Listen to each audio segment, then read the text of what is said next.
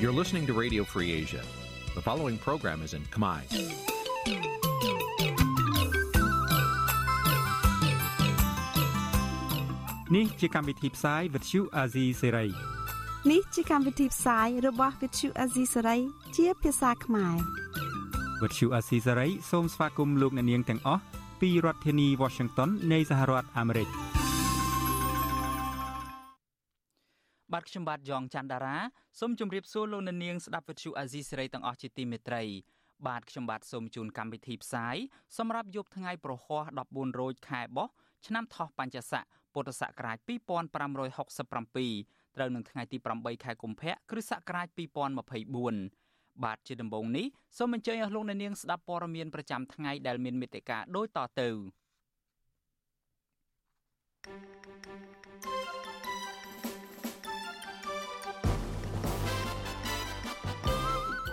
លោកកឹមសុខាស្នើឲ្យចៅក្រមពន្លឿននីតិវិធីដើម្បីផ្ដល់យុត្តិធម៌ដល់រូបលោកជនភៀសខ្លួននៅថៃបារម្ភពីសវត្ថិភាពក្រោយជំនួបរវាងលោកហ៊ុនម៉ាណែតជាមួយនឹងមេដឹកនាំថៃតុលាការវៀតណាមកាត់ទោសកម្មជនសិទ្ធិមនុស្សខ្មែរកម្ពុជាក្រៅម្នាក់ទៀតឲ្យជាប់ពន្ធនាគារចំនួន3ឆ្នាំ កសិករនៅក្នុងខេត្តកណ្ដាលងាកមកចិញ្ចឹមសត្វពពែជំនួសការធ្វើស្រែចម្ការរួមនឹងព័ត៌មានសំខាន់សំខាន់មួយចំនួនទៀត។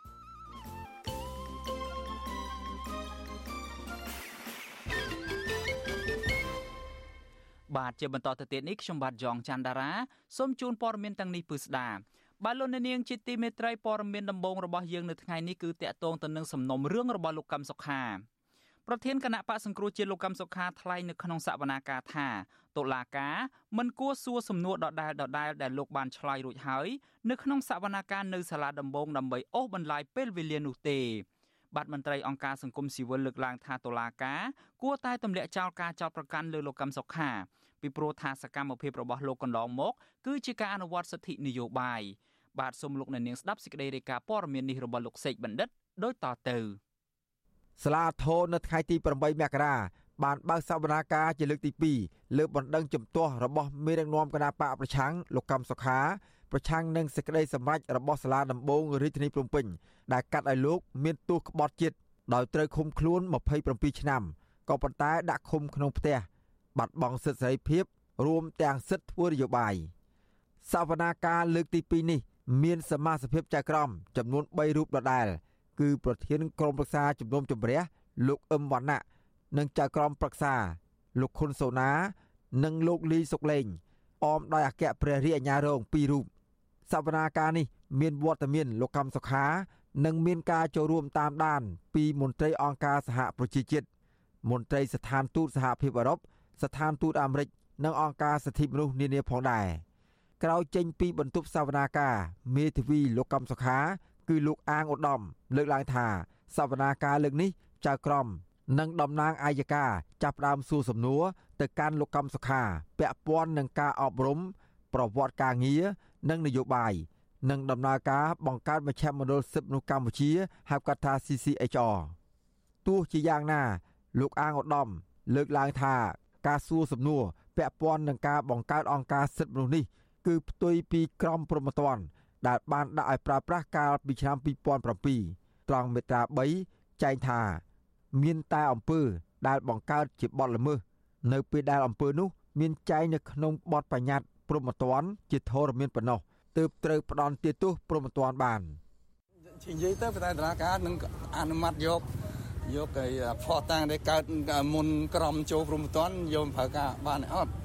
យើងវិជាឲ្យថានឹងប្រើមិនកើតទេបើយកអានោះមកប្រើវាលំលោបលើគោលការណ៍និច្ចានុគោលភាពនៃក្រមព្រមតនហើយខ្ញុំបានបញ្ជាក់អញ្ចឹងអឺតាមពិតគាត់ទឿនឲ្យលឿនណាស់ដែរតែដោយសារគេដាក់កម្រងយ៉ាងហើយវាត្រូវដើរតាមកម្រងយ៉ាងហើយអញ្ចឹងលោកអាងឧត្តមលើកឡើងទៀតថាសវនាការសំណុំរឿងលោកកំសខា ដែលធ្លាប់ធ្វើចំនួន66ដង កាលនៅសាលាដំបងរាជធានីភ្នំពេញ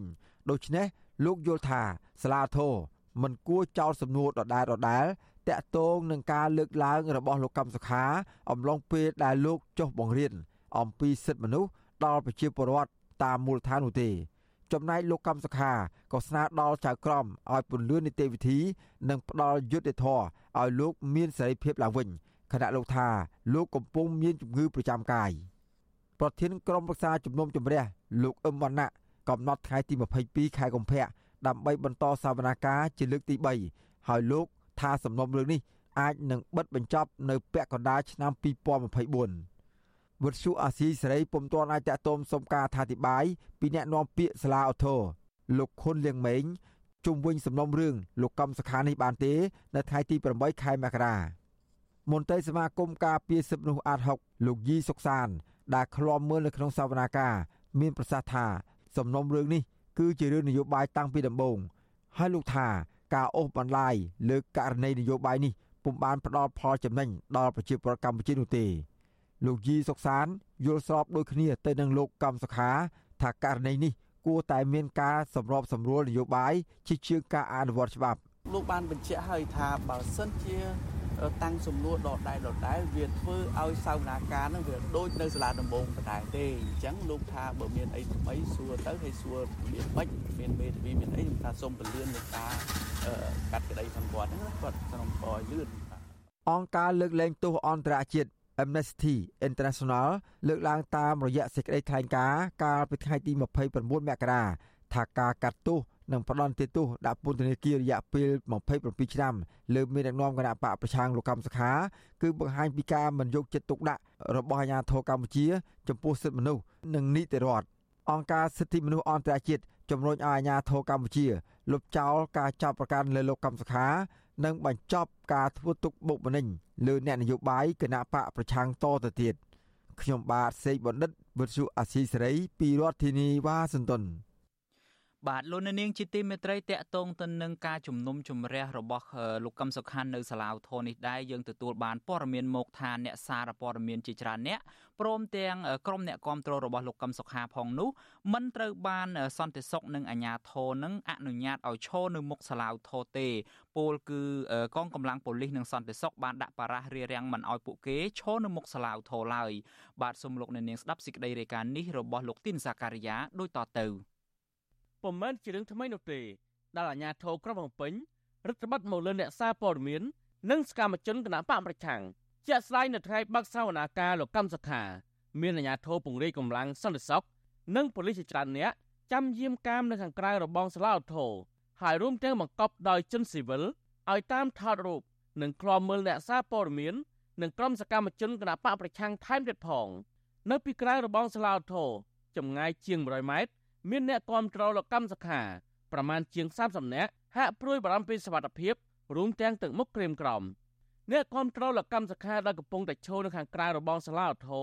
ក្រោយពីអាជ្ញាធរមិនអនុញ្ញាតឲ្យចូលឃ្លាំមើលនៅមុខតុលាការលោកនំវណ្ណាប្រាប់វិទ្យុអាស៊ីសេរីនៅថ្ងៃទី8កុម្ភៈថាលោកមកទីនេះគឺដើម្បីគាំទ្រលោកកម្មសខាលោកអះអាងថាសវនាការលើកនេះមានអ្នកគាំទ្រតិចជាងមុនមុនដោយសារតែស្ថានភាពនយោបាយពុំសូវល្អ ចំណែកការរដ្ឋបတ်សិទ្ធិសេរីភាពពីសំណាក់កម្លាំងប៉ូលីសនិងសន្តិសុខ ក៏កាន់តែអាក្រក់ជាងមុនដែរមកកាន់តឡាការហ្នឹងគាត់ចង់ដឹងលើវិរឿងតើក្តីរបស់គាត់ហ្នឹងវាដល់ណាហើយហើយចិត្តហ្នឹងចង់ឲ្យខាងតឡាការហ្នឹងលើកលែងទោសឲ្យគាត់ឆាប់បានមកធ្វើនយោបាយវិញពីព្រោះការប្រជាពលរដ្ឋច្រើនគាត់ចង់បានឲ្យលោកប្រធានហ្នឹងគាត់មកធ្វើនយោបាយវិញទាំងអស់គ្នាអញ្ចឹងណាក្រៅពីមានអ្នកគ្រប់គ្រងលកម្មសខានោះអ្នកសារព័ត៌មានមកពីស្ថាប័នសម្ព័ន្ធអ្នកសារព័ត៌មានកម្ពុជាកម្ពុជានិងសម្លេងសារអាមេរិក VOA ក៏អាជ្ញាធរពុំអនុញ្ញាតឲ្យចូលយកព័ត៌មានឬផ្ដល់រូបភាពនៅពីមុខសាលាអូថូផងដែរបើទោះបីជាអ្នកទាំងនោះបានចុះឈ្មោះចូលស្ដាប់សវនាការហើយក៏ដោយនាយកប្រតិបត្តិនៃសម្ព័ន្ធអ្នកសារព័ត៌មានកម្ពុជាកម្ពុជាលោកណប់វីប្រាប់វិទ្យុអសិរ័យថាការហាមឃាត់ដល់អ្នកសារព័ត៌មានបែបនេះធ្វើឲ្យប៉ះពាល់ដល់សិទ្ធិទទួលបានព័ត៌មានពិតរបស់ពលរដ្ឋនិងសិទ្ធិសេរីភាពអ្នកសារព័ត៌មានដែលមានចែងនៅក្នុងរដ្ឋធម្មនុញ្ញមាត្រា41 លោកបន្តថាអាញាធរពពាន់គួរតែពិចារណាឡើងវិញក្នុងការអនុវត្តច្បាប់ឲ្យបានត្រឹមត្រូវដើម្បីបម្រើផលប្រយោជន៍សាធារណជន ខ្ញុំគិតថាចំណុចនេះគួរតែលោកមានការពិនិត្យហើយគួរតែមានការសម្រួលសម្របសម្រួលធ្វើម៉េចឲ្យសារព័ត៌មានហ្នឹងគឺថាគាត់អាចទទួលបានព័ត៌មានច្រើនតាមដែលអាចធ្វើទៅបានដើម្បីឲ្យគាត់អាចមានលទ្ធភាពនៅក្នុងការបម្រើទៅដល់ការលើកស្ទួយសិទ្ធិទទួលបានព័ត៌មានរបស់ប្រជាពលរដ្ឋទូទៅបាទនេះគឺជាចំណុចមួយដែលសំខាន់ដែលគួរតែមានការធានាដោយមន្ត្រីអនុវត្តច្បាប់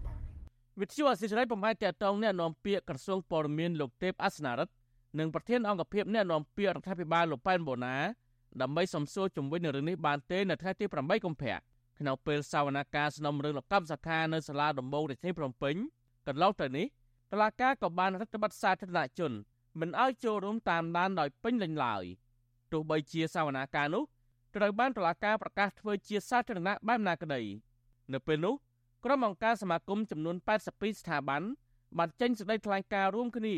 ទាមទារឲ្យតុលាការផ្សព្វផ្សាយពីដំណើរសវនកម្មសំណុំរឿងរបស់លោកកម្មសខាឲ្យបានទូលំទូលាយដើម្បីធានាអំពីដំណាភាពនិងមានការចូលរួមដោយពេញលេញពីសាធារណជន ជាពិសេសក្រុមគ្រួសាររបស់លោក អ្នកសារព័ត៌មាន និងមន្ត្រីអង្គការសង្គមស៊ីវិលក្រុមអង្គការសមាគមទាំងនោះ បានលើកឡើងថាសាធារណជនទាំងក្នុងនិងក្រៅប្រទេសមានការចាប់អារម្មណ៍យ៉ាងខ្លាំង ចំពោះសំណុំរឿងមេបកប្រឆាំងរូបនេះដោយសារតែពួកគេមើលឃើញថា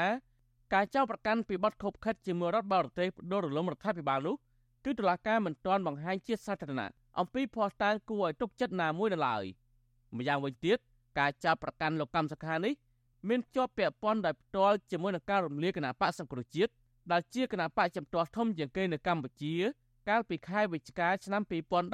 2017ករណីរារាំងអ្នកសារព័ត៌មានអាយក្រិច មិនឲ្យចូលយកព័ត៌មានអំពីដំណើរការសវនកម្មលើសំណុំរឿងលោកកម្មសខានៅពេលនេះក៏ឆ្លោះបញ្ចាំងពីការរដ្ឋបတ်សិទ្ធិសេរីភាពអ្នកសារព័ត៌មានដោយដែលបានបង្ហាញនៅក្នុងរបាយការណ៍វាតម្លៃរបស់អង្គការអ្នកសារព័ត៌មានគ្មានព្រំដែនដែរអង្គការមួយនេះរកឃើញថាសេរីភាពសារព័ត៌មាននៅកម្ពុជា ស្ថិតនៅក្នុងស្ថានភាពអាក្រក់ដោយសារតែរដ្ឋាភិបាលធ្វើទុកបុកម្នេញខ្ញុំបាទទីនសាការីយ៉ាអស៊ីសេរីប្រធានាធិបតី Washington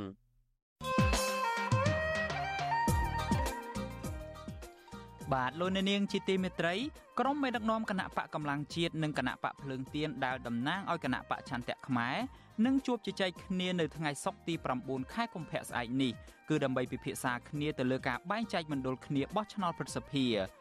បាទនេះគឺជាការជួបគ្នាលើកដំបូងហើយក្រោយពីគណៈបកទាំងពីរមិនចុះសម្រុងគ្នាទៅលើការរៀបចំការបោះឆ្នោតព្រឹទ្ធសភាហើយដណ្ដើមអង្គបោះឆ្នោតគ្នាដែលមានចំនួនជាង2000នាក់នោះ។ ថាតើគណៈបកទាំងពីរនឹងមានសេណារីយ៉ូបែបណានៅក្នុងការចូលរួមការបោះឆ្នោតប្រសិទ្ធភាពនៅថ្ងៃទី25ខែកុម្ភៈខាងមុខនេះបាទសូមលោកអ្នកនាងរងចាំទស្សនានិងស្ដាប់នីតិវិទ្យាអ្នកស្ដាប់វិទ្យុអាស៊ីសេរីដែលនឹងជជែកអំពីបញ្ហានេះនៅយប់ថ្ងៃសុក្រទី9ខែកុម្ភៈស្អែកនេះ បាទលោកអ្នកនាងអាចចូលរួមបញ្ចេញមតិយោបល់ឬមួយក៏សួរជាសំណួរដោយដាក់លេខទូរស័ព្ទរបស់លោកអ្នកនាងនៅក្នុងប្រអប់ខ្ទង់ comment នៃការផ្សាយផ្ទាល់របស់ Virtual Azizi Serai នៅលើបណ្ដាញសង្គម Facebook Telegram និង YouTube បាទក្រុមការងាររបស់យើងនឹងតាក់ទងទៅលោកអ្នកនាងវិញ បាទសូមអរគុណ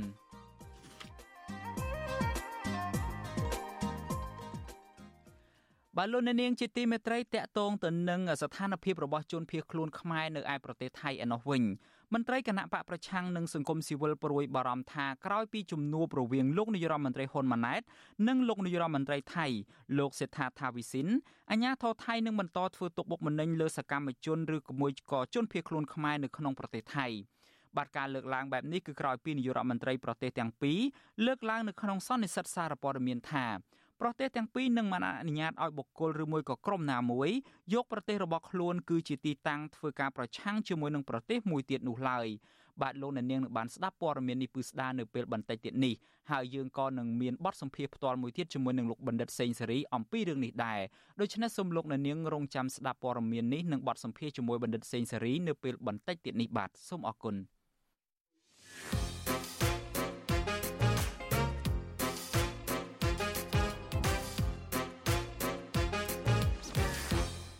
បាទជំរាបសួរលោកអ្នកនាងកញ្ញាជាទីមេត្រីដោយការសន្យាខ្ញុំបាទបានវិលមកជួបលោកអ្នកនាងកញ្ញាវិញក្នុងកម្មវិធី podcast កម្ពុជាសប្តាហ៍នេះជាលើកទី1បន្ទាប់ពី សម្រាប់ព្យាបាលជំងឺមួយរយៈមុននេះ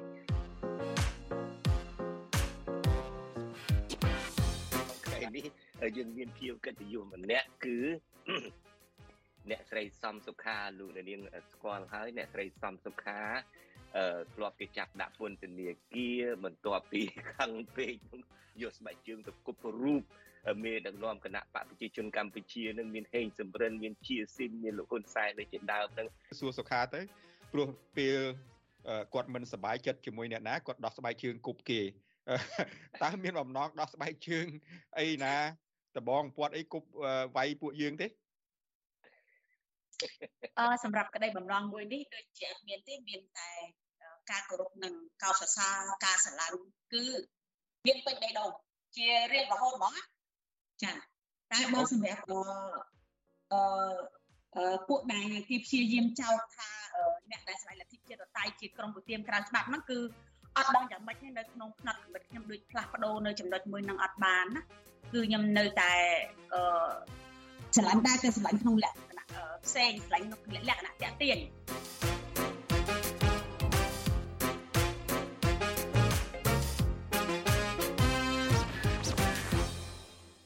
បាទលោកនាងជាទីមេត្រីដូចឆ្លេះលោកនាងនឹងបានស្ដាប់កម្មវិធី podcast កម្ពុជាសប្តាហ៍នេះរបស់ Virtual Azizi Serai នៅយប់នៅព្រឹកថ្ងៃសៅរ៍នៅកម្ពុជានៅសប្តាហ៍នេះហើយយើងនឹងចាក់ផ្សាយឡើងវិញនៅក្នុងកម្មវិធីព័ត៌មានរបស់យើងនៅយប់ថ្ងៃច័ន្ទដើមសប្តាហ៍ក្រោយហើយកម្មវិធី podcast ភាគទី39របស់យើងនេះគឺលោកសំពូលីជាមួយនឹងលោកជុនច័ន្ទបុតនឹងជជែកជាមួយនឹងលោកស្រីសំសុខាលោកស្រីសំសុខាលោកនាងមួយចំនួនប្រហែលជាបានជ្រាបស្រាប់ហើយថាជាអ្នកដែលបញ្ចេញមតិរិះគន់រដ្ឋាភិបាលលោកហ៊ុនសែនចាស់ដៃហើយក៏ធ្លាប់យកស្បែកជើងនឹងគប់រូបលោកនាយរដ្ឋមន្ត្រីហ៊ុនសែនដែរគឺគប់ស្លាកគណៈបព្វជិជនកម្ពុជាមិនមែនគប់រូបផ្ទាល់ដោយករណីលោកអុកទូចទេហើយយើងចង់ដឹងថាតើលោកស្រីសំសុខានឹងមានអ្វីមកជម្រាបជូនលោកនាងហើយលោកជុនច័ន្ទបុតនិងលោកសំពូលីក៏នឹងមានអ្វីនៅក្នុងកម្មវិធី podcast ភាគទី39នោះដូច្នេះសូមលោកនាងរងចាំស្ដាប់កុំបីខាន ហើយខ្ញុំបាទក៏សូមជម្រាបជូនលោកអ្នកនាងដែរថាលោកអ្នកនាងមួយចំនួននៅតែបន្តចោទសួរហើយនឹងមានការបង្ហោះសារលើបណ្ដាញសង្គមដដែលទេមកដល់ថ្ងៃនេះតកតងទៅនឹងស្ថានភាពសុខភាពរបស់លោកជុនច័ន្ទបតខ្ញុំសូមជម្រាបជូនលោកអ្នកនាងដែលមិនទាន់បានដឹងរឿងនេះលោកជុនច័ន្ទបតបច្ចុប្បន្ននេះគាត់បានធូរស្បើយច្រើនហើយពីជំងឺរបស់គាត់ក្រោយពីទទួលបានការវះកាត់ដោយជោគជ័យនោះដូច្នេះលោកអ្នកនាងដែលមិនទាន់បានដឹងរឿងនេះសូមទទួលជ្រាបព័ត៌មាននេះបាទសូមអរគុណបាទ បាទលោកនាងជាទីមេត្រីយើងដកឃ្លាមកនិយាយអំពីបញ្ហាគ្រោះថ្នាក់ចរាចរណ៍បន្តិចវិញលោកហ៊ុំចម្រើនបានរាយការណ៍មកថាមន្ត្រីអង្គការសង្គមស៊ីវិលលើកឡើងថាគ្រឿងស្រវឹងនៅតែជាកត្តាចម្បងដែលនាំឲ្យមានគ្រោះថ្នាក់ចរាចរណ៍កើនឡើងជាបន្តបន្ទាប់បាទការលើកឡើងបែបនេះគឺបន្ទាប់ពីអាជ្ញាធរបានចេញរបាយការណ៍ដោយរកឃើញថាករណីគ្រោះថ្នាក់ចរាចរណ៍បណ្ដាលមកពីអ្នកបើកបរគ្រឿងស្រវឹងមានត្រឹមតែ3%នោះបាទសូមលោកអ្នកនាងស្ដាប់ព័ត៌មាននេះរបស់លោកហ៊ុំចម្រើនដូចតទៅ។ មន្ត្រីអង្គការសង្គមស៊ីវិលលើកឡើងថាការមិនអាចរកឃើញមូលហេតុពិតប្រាកដបណ្ដាលឲ្យកើតមានគ្រោះថ្នាក់ចរាចរណ៍និងមិនអាចទប់ស្កាត់ចំនួនគ្រោះថ្នាក់ចរាចរណ៍បានឡើយប្រធានមជ្ឈមណ្ឌលប្រជាពលរដ្ឋដើម្បីអភិវឌ្ឍនិងសន្តិភាពលោកយងកំឯងយល់ឃើញថាអត្រាអ្នកបើកបរក្នុងស្ថានភាពស្រវឹងគឺជាមូលហេតុចម្បងមួយដែលបង្កឲ្យមានគ្រោះថ្នាក់ចរាចរណ៍លោកអះអាងថា ការរកឃើញថាគ្រោះថ្នាក់ចរាចរណ៍ឆ្នាំ2024បង្កឡើងដោយអ្នកបើកបរស្រវឹងមានត្រឹម3%ហាក់មិនឆ្លុះបញ្ចាំងពីការពិតនោះឡើយបើសិនជាយើងមើលថាគ្រោះថ្នាក់ចរាចរណ៍ហ្នឹងគឺភាគច្រើនបំផុត55%គឺកើតឡើងពេលយប់បើ55%កើតឡើងពេលយប់ហេតុអីបានពាក់ព័ន្ធជាមួយគ្រឿងសង្វឹងតែ3%នេះជារឿងមួយដែលរៀងចម្លែកដែរណាបាទ ហើយដែលយើងឃើញថាគ្រោះថ្នាក់ចរាចរណ៍ដែលពាក់ព័ន្ធគ្រឿងសង្វឹងគឺពេលយប់លោកយងកំឯងបន្ថែមថាដើម្បីទប់ស្កាត់គ្រោះថ្នាក់ចរាចរណ៍សមត្ថកិច្ចគួរដាក់ពិន័យលើអ្នកបើកបរលើសល្បឿនកំណត់ឲ្យបានត្រឹមត្រូវទៅតាមច្បាប់ជាជាងសម្រួលគ្នានៅក្រៅប្រព័ន្ធច្បាប់ ដែលមិនអាចកែប្រែអិរិយាបថអ្នកបើកបរល្មើសច្បាប់ចរាចរណ៍បានប្រតិកម្មរបស់មន្ត្រីសង្គមស៊ីវិលរូបនេះ ក្រោយពេលគណៈកម្មការជាតិសវត្ថភាពចរាចរណ៍ផ្លូវគោកបង្ហាញរបាយការណ៍គ្រោះថ្នាក់ចរាចរណ៍ឆ្នាំ2023ដោយរកឃើញថាមូលហេតុចម្បងបណ្ដាលឲ្យមានគ្រោះថ្នាក់ចរាចរណ៍គឺបើកបរល្មើសល្បឿនកំណត់41%មិនគោរពសិទ្ធិអ្នកដទៃ22%ចំណែកមូលហេតុអ្នកបើកបរស្រវឹងមានត្រឹមតែ3%ប៉ុណ្ណោះរបាយការណ៍ក៏បានបញ្ជាក់ដែរថា អត្រាគ្រោះថ្នាក់ចរាចរណ៍ឆ្នាំ2023បានកើតឡើង11%ច្រើនជាងឆ្នាំ2022ដោយចំនួនគ្រោះថ្នាក់ចរាចរណ៍កើតឡើងជិត4000ដង ក្នុងនោះបង្កឲ្យមានមនុស្សស្លាប់ជិត1600នាក់និងរបួសជាង4500នាក់កាលពីថ្ងៃទី14ខែមករាកន្លងទៅរដ្ឋមន្ត្រីក្រសួងមហាផ្ទៃនិងជាប្រធានគណៈកម្មការជាតិសុវត្ថិភាពចរាចរណ៍ផ្លូវគោកលោកសសុខាបង្ហាញក្តីព្រួយបារម្ភថា ចំនួនអ្នកស្លាប់ដោយសារគ្រោះថ្នាក់ចរាចរណ៍ផ្លូវគោកក្នុងឆ្នាំ2024អាចនឹងកើតឡើងលើសចំនួន2000នាក់ដែលចំនួននេះគឺជាការឈានដល់បន្ទាត់ក្រហមខណៈចំនួនប្រជាពលរដ្ឋស្លាប់ដោយសារគ្រោះថ្នាក់ចរាចរណ៍ក្នុងឆ្នាំ2023មានចំនួនជាង1900នាក់ជុំវិញរឿងនេះអ្នកជំនាញសវត្ថភាពជុំវិញរឿងនេះអ្នកជំនាញផ្នែកសវត្ថភាពចរាចរណ៍លោកគង់រតនៈមានប្រសាសន៍ថាដើម្បីកាត់បន្ថយចំនួនគ្រោះថ្នាក់ចរាចរណ៍ សមត្ថកិច្ចគួរចាត់វិធានការច្បាប់ឲ្យបានម៉ឺងម៉ាត់និងធ្ងន់ធ្ងរចំពោះអ្នកបើកបរល្មើសច្បាប់លោកបន្តថាការរកឃើញមូលហេតុបណ្ដាលឲ្យកើតមានគ្រោះថ្នាក់ចរាចរណ៍បង្កដោយអ្នកបើកបរស្រវឹងមានត្រឹម3%នេះអាចឆ្លុះបញ្ចាំងថាការប្រមូលទិន្នន័យអំពីគ្រោះថ្នាក់ចរាចរណ៍របស់មន្ត្រីជំនាញធ្វើឡើងដោយមិនគ្រប់ជ្រុងជ្រោយឡើយការវិតម្លៃ ទៅលើមូលហេតុហ្នឹងខ្ញុំគិតថាធ្វើឲ្យយើងអត់អស់ចិត្តទាំងអស់គ្នាពីព្រោះយើងឃើញហើយសកម្មភាពតាក់ទងជាមួយនឹងការផ្សព្វផ្សាយនិងការប្រើប្រាស់ហ្នឹងមានច្រើនតែដល់ពេលយើងឃើញផលប៉ះពាល់វាហាក់បីដូចជាតិចពេកប៉ុន្តែសម្រាប់ខ្ញុំខ្ញុំមិនថាគេខុសទេក៏ប៉ុន្តែខ្ញុំគិតថាវាគួរតែមានការប្រមូលឲ្យបានគ្រប់ជ្រុងជ្រោយឬក៏ការសិក្សាឲ្យបានច្បាស់លាស់ជាងហ្នឹងរដ្ឋមន្ត្រីក្រសួងសាធារណការនិងដឹកជញ្ជូនលោកពេងពូនីធ្លាប់លើកឡើងកាលពីខែកញ្ញាឆ្នាំ2023ថា គ្រោះថ្នាក់ចរាចរណ៍ជាបញ្ហាសុខភាពសាធារណៈដែលទាមទារឲ្យមានការដោះស្រាយជាបន្ទាន់គណៈកម្ពុជាខាតបង់ថវិកាជាតិជាង400លានដុល្លារអាមេរិកក្នុងមួយឆ្នាំ ដោយមិនទាន់គិតពីផលវិបាកសង្គមនានាជាច្រើនទៀតកន្លងមកបើទោះបីជារបាយការណ៍កម្មវិធីអភិវឌ្ឍអង្គការសហប្រជាជាតិហៅកាត់ថា UNDP កាលពីឆ្នាំ2021រកឃើញថា មូលហេតុចម្បង បង្កឲ្យមានគ្រោះថ្នាក់ចរាចរណ៍គឺបណ្ដាលមកពីអ្នកបើកបរស្រវឹងក្តីតែរដ្ឋាភិបាលកម្ពុជា មិនបានទប់ស្កាត់ការផ្សព្វផ្សាយគ្រឿងស្រវឹងនៅទីសាធារណៈនោះទេមន្ត្រីអង្គការសង្គមស៊ីវិលលើកឡើងថាសមត្ថកិច្ចគួរធ្វើរបាយការណ៍អំពីមូលហេតុបង្កឲ្យមានគ្រោះថ្នាក់ចរាចរណ៍ឲ្យបានត្រឹមត្រូវទើបអាចកាត់បន្ថយគ្រោះថ្នាក់ចរាចរណ៍ជោគជ័យខ្ញុំបាទហុំចម្រើនវិទ្យុ អាស៊ីសេរីពីរដ្ឋធានី Washington បាទលោកនាងជាទីមេត្រីយើងចេញពីរឿងគ្រឿងស្រវឹងមកមកចាប់អារម្មណ៍ពាក់ព័ន្ធទៅនឹងបញ្ហាគ្រឿងញៀនឯនេះវិញបាទសមត្ថកិច្ចបានរកឃើញគ្រឿងញៀនជាង300កញ្ចប់នៅជាប់នឹងរបងប៉ុស្តិ៍រដ្ឋបាលសង្កាត់ក្មួយនៅក្នុងខណ្ឌសែនសុខរាជធានីភ្នំពេញបាទសមត្ថសមត្ថកិច្ចនៃស្នងការដ្ឋាននគរបាលរាជធានីភ្នំពេញបានចុះផ្សាយនៅលើទំព័រ Facebook កាលពីថ្ងៃទី7ខែកុម្ភៈថា សមត្ថកិច្ចបានដកហូតគ្រឿងញៀនប្រភេទ Ecstasy ឬមួយក៏ថ្នាំក្រវី បានទម្ងន់ជាង2គីឡូក្រាមនៅក្នុងកញ្ចប់គ្រឿងញៀនពណ៌ទំពាំងបាយជូរនិងពណ៌ Strawberry ទាំង304កញ្ចប់នោះ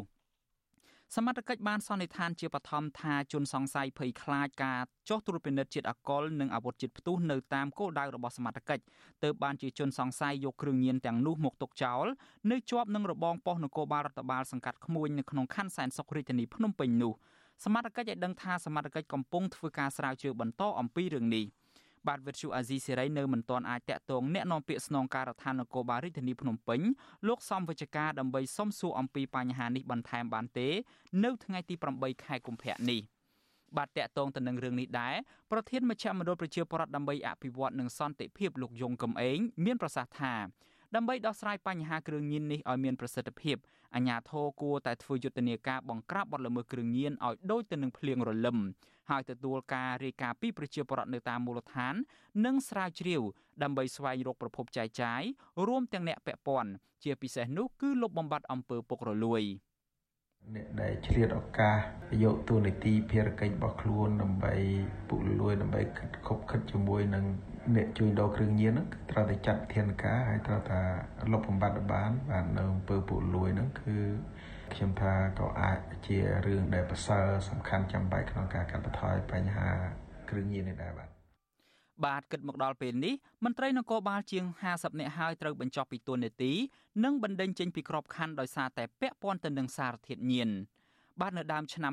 2024នេះអាជ្ញាធរបានបង្ក្រាបករណីគ្រឿងញៀនធំធំមួយចំនួននិងដកហូតបានគ្រឿងញៀនចំនួនជាង2តោនកន្លះនិងឃាត់ខ្លួនជនបរទេសចំនួន5នាក់នៅរាជធានីភ្នំពេញខេត្តព្រះសីហនុនិងខេត្តព្រះវិហារ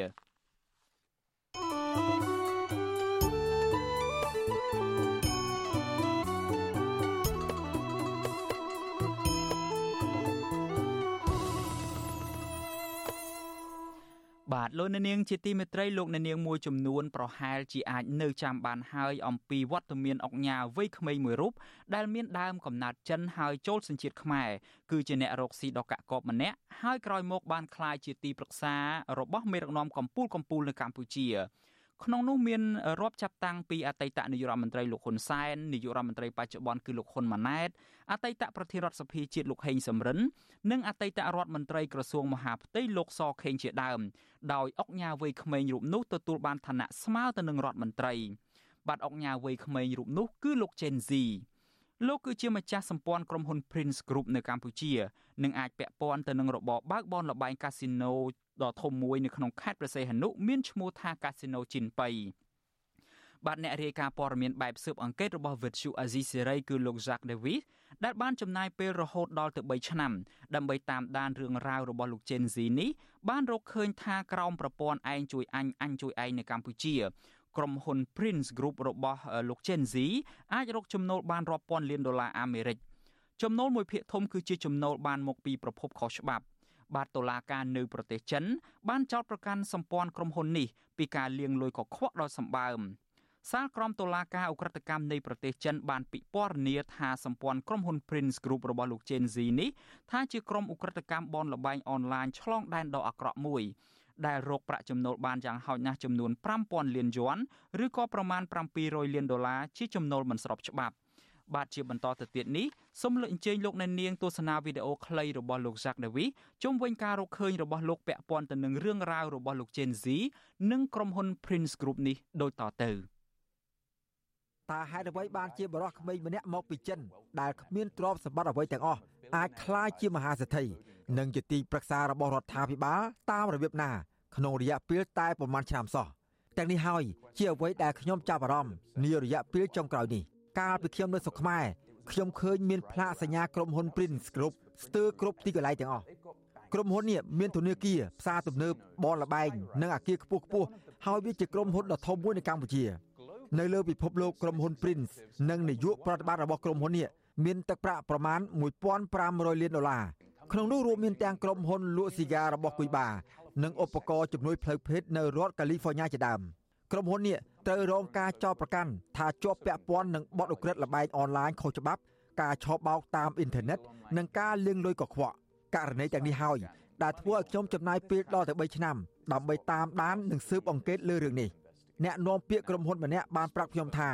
ក្រុមហ៊ុនបានខ្លាចជាជនរងគ្រោះដោយសារការខ្លាយបន្លំអត្តសញ្ញាណនិងបដិសេធរាល់ការចោទប្រកាន់ទាំងឡាយប៉ុន្តែខ្ញុំបានរកឃើញភស្តុតាងប្រាក់ចំណេញយ៉ាងតិច700លានដុល្លាររបស់ក្រុមហ៊ុន Prince ដែលបានមកពីលបែងអនឡាញខុសច្បាប់ចំណែកលុយដែលបានមកដោយខុសច្បាប់ផ្សេងទៀតទំនងជាត្រូវបានគេលាងតាមរយៈម៉ាស៊ីនភ្នាល់លបែងអនឡាញកន្លែងមួយនៅតាមព្រំដែនខ្មែរដែលជាប់ពាក់ព័ន្ធនឹងក្រុមហ៊ុន Prince គឺហាក់ដូចជាកន្លែងបង្ខាំងក្រុមអ្នកឆបោកអនឡាញឲ្យធ្វើការដូចជាទាសករដោយសារតែប្រធានក្រុមហ៊ុន Prince មានតួនាទីជាទីប្រឹក្សានាយករដ្ឋមន្ត្រី និងអតីតនាយករដ្ឋមន្ត្រីនាំឲ្យមានសំណួរជាច្រើនអំពីការបន្តដំណើរការរបស់ក្រុមហ៊ុនមួយនេះ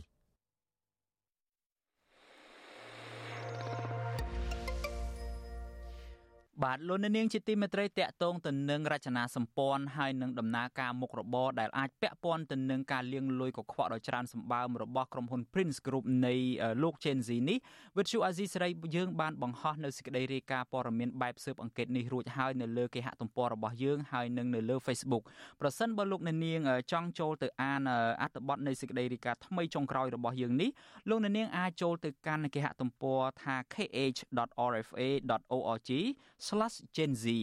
បាទយើងក៏មានបង្ហោះអត្ថបទនេះទាំងស្រុងនៅលើទំព័រ Facebook YouTube Telegram និងប្រព័ន្ធ X ឬមួយក៏ Twitter របស់យើងដែរដូច្នេះសូមលោកអ្នកនាងណាដែលចង់ដឹងអំពីលោក Gen Z ហើយនិងក្រុមហ៊ុន Prince Group របស់លោកនេះសូមចូលទៅកាន់គេហទំព័ររបស់ Virtual Asia សេរីដោយដែលខ្ញុំបាទបានជម្រាបជូនអំបញ្ញមិញនេះបាទសូមអរគុណ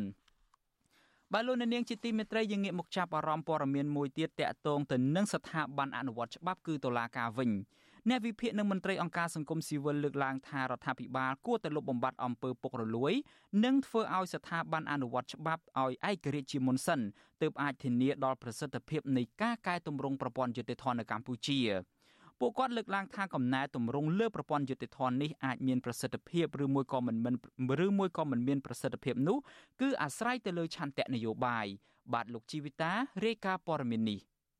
អ្នកវិភាគសង្កេតឃើញថា រដ្ឋាភិបាលបានធ្វើកំណែទម្រង់ប្រព័ន្ធយុតិធធជាច្រើនលើកច្រើនសារប៉ុន្តែប្រព័ន្ធយុតិធធកម្ពុជា ហាក់នៅនឹងថ្កល់មួយកន្លែងដោយសារការអនុវត្តនៅខ្វះដំណាភាពនិងសុក្រឹតភាពអ្នកស្រាវជ្រាវការអភិវឌ្ឍសង្គមលោកបណ្ឌិតមាសនេះប្រាប់វិទ្យុអាស៊ីសេរីនៅថ្ងៃទី8កុម្ភៈថាការធ្វើកំណែទម្រង់ប្រព័ន្ធយុតិធធជាច្រើនលើករបស់រដ្ឋាភិបាលកន្លងមកនេះនៅមិនទាន់មានភាពល្អប្រសើរឡើយលោកមើលឃើញថា ប្រព័ន្ធច្បាប់បច្ចុប្បន្ននៅតែជាឋានសួគ៌សម្រាប់អ្នកមានលុយមានអំណាចប្រើប្រាស់ដើម្បីស្វែងរកផលប្រយោជន៍និងកិច្ចចេញពីការទទួលខុសត្រូវអ្នករស់នៅលើច្បាប់អ្នករស់នៅក្រោមច្បាប់គឺនៅតែមានជាបន្តបាទទោះបីជាយើងឃើញថាមានផ្ដាល់ឧទាហរណ៍ខ្លះដែលមន្ត្រីខលខូចនិងមានអំណាចខូចខលខូចខ្លះត្រូវបានទទួលរងទណ្ឌកម្មដោយច្បាប់អីយ៉ាងណាក៏ដោយប៉ុន្តែវាមិនទាន់ពេញចិត្តទៅដល់អ្វីដែលពលរដ្ឋខ្មែរចង់ឃើញនៅឡើយទេបាទ ការលើកឡើងនេះធ្វើឡើងបន្ទាប់ពីរដ្ឋាភិបាលកម្ពុជា នៅថ្ងៃទី6កុម្ភៈបានចេញអនុក្រឹត្យស្ដីពីការរៀបចំនិងការប្រព្រឹត្តទៅនៃអគ្គលេខាធិការដ្ឋានគណៈកម្មការដឹកនាំការកែតម្រង់ប្រព័ន្ធយុតិធធអនុក្រឹត្យបានចែងពីទួនាទីនិងភារកិច្ចរបស់អគ្គលេខាធិការដ្ឋានគណៈកម្មការដឹកនាំការកែតម្រង់ប្រព័ន្ធយុតិធធហៅកាត់ថាគោកបយោមានដូចជាសម្របសម្រួល និងធ្វើកិច្ចសហប្រតិបត្តិការជាមួយដៃគូអភិវឌ្ឍអង្គការជាតិនិងអន្តរជាតិលើការពាក់ព័ន្ធនឹងការងារកែតម្រង់យុតិធធក្នុងនោះអនុក្រឹត្យក៏បានចែងពីទួលនីតិនាយកដ្ឋានកិច្ចការកែតម្រង់ដែលមានភារកិច្ចសម្របសម្រួល ការអនុវត្តកម្មវិធី កែតម្រង់ប្រព័ន្ធយុតិធធជាមួយបណ្ដាក្រសួង ស្ថាប័នពាក់ព័ន្ធនិងសាលាជំរះក្តី និងអัยការអមសាលាជំរះក្តីគ្រប់ជាន់ថ្នាក់ នាយកទទួលបន្ទុកកិច្ចការទូតនៃអង្គការឃ្លាំមើលសិទ្ធិមនុស្សលីកាដូលោកអំសំអាត លើកឡើងថានៅពេលប្រជុំជាមួយក្រុមប្រឹក្សាសិទ្ធិមនុស្សនិងអ្នករាយការណ៍ពីស្ថានភាពសិទ្ធិមនុស្សប្រចាំនៅកម្ពុជា សង្គមស៊ីវិលតែងផ្ដល់យោបល់ឲ្យរដ្ឋាភិបាលកែតម្រង់ប្រព័ន្ធច្បាប់ប្រព័ន្ធយុតិធធនិងតុលាការឲ្យមានឯករាជ្យរួចមកហើយប៉ុន្តែសំណើនេះហាក់មិនទាន់ចេញជារូបរាងពេញលេញនោះទេ ខ្ញុំយល់ថាកំណែតម្រង់ទៅលើប្រព័ន្ធយុតិធធនេះមានប្រសិទ្ធភាពឬមិនមានប្រសិទ្ធភាពវាអាស្រ័យទៅលើឆន្ទៈនយោបាយក្នុងការកំណែតម្រង់នោះទេបើយើងមានអន្ទាក់នៅក្នុងការកំណែតម្រង់ពិតប្រាកដអានឹងវាអាចធ្វើឲ្យមានប្រសិទ្ធភាពពិតប្រាកដហើយពីព្រោះបើយើងមើលទៅបច្ចុប្បន្ននេះស្ថាប័នប្រព័ន្ធយុតិធធឬក៏តុលាការយើងឃើញតែមានការរិះគន់ច្រើនដែរ ទោះជាយ៉ាងណានេះមិនមែនជាលើកដំបូងនោះទេដែលរដ្ឋាភិបាលនីតិកាលទី7នេះបានធ្វើកំណែទម្រង់ប្រព័ន្ធយុតិធធជាក់ស្ដែង កាលពីថ្ងៃទី8មករារដ្ឋមន្ត្រីក្រសួងយុតិធធលោកកើតរិទ្ធបានចេញសេចក្តីសម្រេចស្តីពីការបង្កើតក្រុមការងារនៃគណៈកម្មការដឹកនាំនិងអនុវត្តយុទ្ធនាការត្រួតពិនិត្យនិងដោះស្រាយភាពមិនប្រក្រតីនៅតាមតុលាការដោយក្រុមការងារនេះមានតួនាទីស៊ើបអង្កេតចម្រាញ់យកមន្ត្រីស្អាតស្អំ និងចាត់វិធានការលើមន្ត្រីខលខូចក្រោយមកទៀតកាលពីថ្ងៃទី18មករារដ្ឋមន្ត្រីក្រសួងយុតិធធលោកកើតរិទ្ធក៏បានស្នើសុំកិច្ចសហការពីប្រធានអង្គភិបប្រឆាំងអំពើពុករលួយលោកអោមយិនទៀងដើម្បីលើកកម្ពស់គុណភាពនិងប្រសិទ្ធភាពនៃប្រព័ន្ធយុតិធធនិងពង្រឹងការអនុវត្តច្បាប់ចំពោះសំណុំរឿង3ប្រភេទគឺគ្រឿងញៀនគ្រោះថ្នាក់ចរាចរណ៍និងអត្រានុកូលដ្ឋានជាច្រើនឆ្នាំកន្លងមកនេះ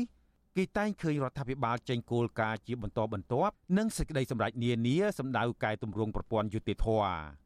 ក៏ប៉ុន្តែ ស្ថាប័នតុលាការនៅតែទទួលរងការរិះគន់ពីសហគមន៍ជាតិនិងអន្តរជាតិថាអនុវត្តច្បាប់គ្មានដំណាភាពនិងលំអៀងជាពិសេសរើសអើងឬពុករលួយផ្នែកនយោបាយរបាយការណ៍ស្តីពីសន្ទុះនីតិរដ្ឋប្រចាំឆ្នាំ2022របស់អង្គការគម្រោងយុតិធធពិភពលោកបង្ហាញថា កម្ពុជាជាប់ចំណាត់ថ្នាក់អាក្រក់បំផុតរហូតដល់បាតតារាង គឺនៅលេខរៀង139ក្នុងចំណោម140ប្រទេស គឺគ្រាន់បើជាងប្រទេសវេណេស៊ុយអេឡាមួយតែប៉ុណ្ណោះអ្នកសង្កេតការថាការបង្កើតគណៈកម្មាធិការនេះ ឬគណៈកម្មការនោះជន់លើសមត្ថកិច្ចដែលមានស្រាប់បានคล้ายជាទម្លាប់ដដែលដដែលរបស់រដ្ឋាភិបាលកម្ពុជាទៅហើយពួកគេចង់ឲ្យមានការប្រើប្រាស់និងពង្រឹងសមត្ថកិច្ចឬដែនអំណាចរបស់ស្ថាប័នដែលមានស្រាប់ ឧទាហរណ៍ដូចជាឧត្តមក្រុមប្រឹក្សានៃអង្គចៅក្រមដែលជាស្ថាប័នកម្ពុជាកំណត់ក្នុងរដ្ឋធម្មនុញ្ញដែលមានតួនាទីពង្រឹងនិងលើកកម្ពស់ប្រព័ន្ធយុតិធធនិងឯករាជ្យរបស់តុលាការជាជាងបង្កើតថ្មីជាន់លើគ្នា តែបញ្ហានៅតែកើតមានខ្ញុំជីវិតាអាស៊ីសេរី